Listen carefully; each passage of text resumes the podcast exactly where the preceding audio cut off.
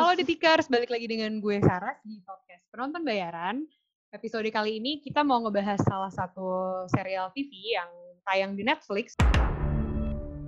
Judulnya Never Have I Ever. Nah, kali ini gue kedatangan salah satu tamu nih yang spesial banget. Halo, perkenalkan diri dong. Halo, Saras dan pendengar podcast penonton bayaran. Halo, gue Tiara. Nah, sebelum kita ngebahas soal seriesnya nih ya Mbak Tiara, gue pengen cerita dulu nih ke pendengar kita. Kalau misalnya Never Have I Ever itu bercerita tentang, uh, itu jadi kayak serial coming of age gitu, cerita tentang cerita remaja, uh, seorang remaja Indian American namanya Devi. Nah, si Devi ini diperanin sama, ini bacanya gimana ya? Meirei Rama Krishnan. Bener gak bacanya? Terus dia itu jatuh cinta sama salah satu tokoh namanya Paxton. Ternyata Paxton ini nama belakangnya Yoshida. Jadi si Paxton ini ternyata biarpun dia kulit putih, tapi dia ternyata punya keturunan Jepang. Blasteran ya. Terus blasteran. Nah dia itu punya dua teman. Namanya Fabiola sama Eleanor. Dan mereka itu semuanya woman of color juga. Jadi drama ini bercerita tentang remaja, cuma tokoh-tokohnya diverse banget. Nah, menurut Mbak Tiara nih, drama ini gimana nih? Uh, jadi kan ini memang uh, dramanya emang drama remaja banget ya. Hmm. Kayak tokoh utamanya 15 tahun gitu kan. Terus kayak tentang kehidupan uh, high school di US tuh. Sebenarnya kalau ngelihat dari plot awalnya uh, sebenarnya ini kayak standar serial remajanya US gitu kan bener, tentang bener, bener. Uh, persahabatan tentang cewek nerd suka sama cowok ganteng di SMA gitu terus hubungan sama keluarga orang tua gitu sebenarnya uh, plotnya tuh bisa dibilang ya uh, klise standar gitu hampir sama dengan uh, apa namanya serial-serial remaja lain cuman mungkin yang menarik eksekusinya juga kali ya karena uh, satu dia kayak emang sengaja uh, menonjolkan diversity-nya gitu dengan tokohnya yang India Amerika. Kan kayaknya mungkin kalau di Amerika kayak belum pernah atau jarang gitu kan yang tokoh utamanya India. Biasanya kayak uh, pemeran pendamping gitu aja kan. Mm, bener bener bener bener. jadi kayak dia India terus kemudian yang sahabatnya uh, Spanish sama Chinese gitu. Jadi kayak emang uh, nekanin uh, diversity-nya gitu. Sama uh, yang beda juga mungkin karena ya dia, dia emang ada bumbu-bumbu komedinya kan. Mm -hmm. uh, tapi ada selipan-selipan sedihnya juga, dramanya juga gitu. Jadi mungkin uh, jadi simpelnya adalah kayak plot yang standar tapi eksekusinya menarik gitu. Okay. kelas dari nonton.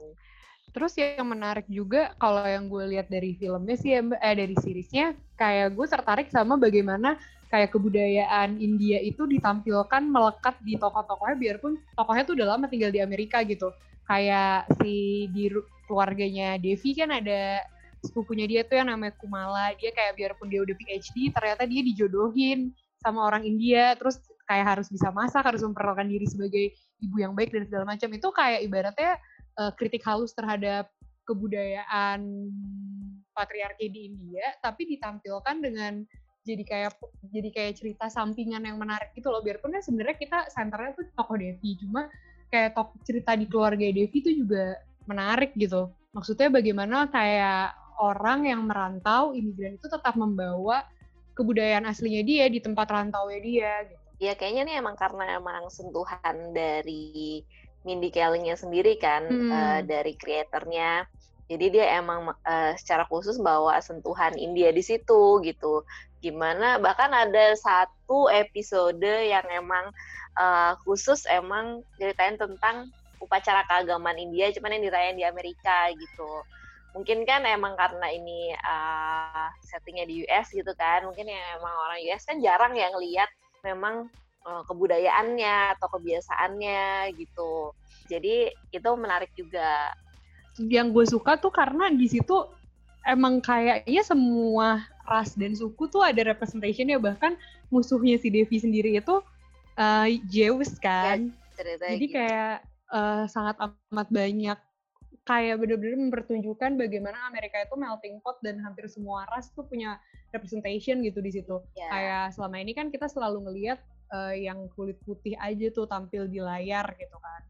Uh, tapi ini benar-benar beragam biarpun sebenarnya ya benar kata kamu sih ceritanya klise tentang bagaimana cewek cupu naksir cowok ganteng gitu.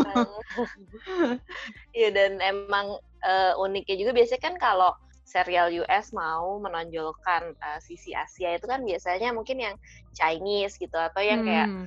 uh, terakhir kalau misalnya Crazy Rich Asians dulu kan uh, dia Singapura kayak gitu kan gitu. Hmm. Um, biasanya kalau yang memang serial India yang Bollywood ya emang yang Bollywood banget gitu. Nah ini jadi kayak sentuhan ngangkat Asia tapi Asia yang India gitu. Hmm. Mungkin emang bisa ini juga sih. Kadang berasa kayak uh, ini apa kayak dipaksain banget gitu ya kayak apakah semua ras harus dimasukkan dicampurkan di sini gitu.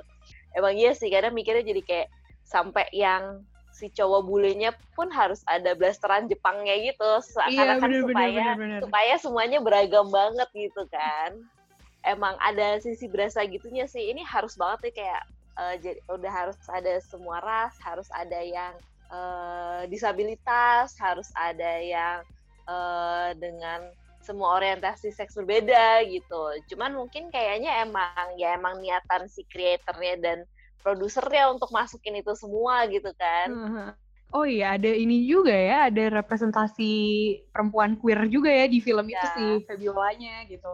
Sama si siapa tuh yang dia taksir namanya Queen ya? Eve namanya Eve.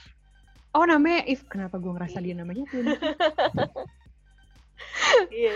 Jadi kayaknya emang itu sih yang mau ditonjolin tentang uh, diversity-nya bukan cuman soal ras aja tapi, tapi juga sampai soal orientasi uh, seksual. uh, sampai ada yang uh, si Devinya kan juga diceritanya dia sempat paralyzed kan sempat lumpuh iya, cuma tiga bulan gitu.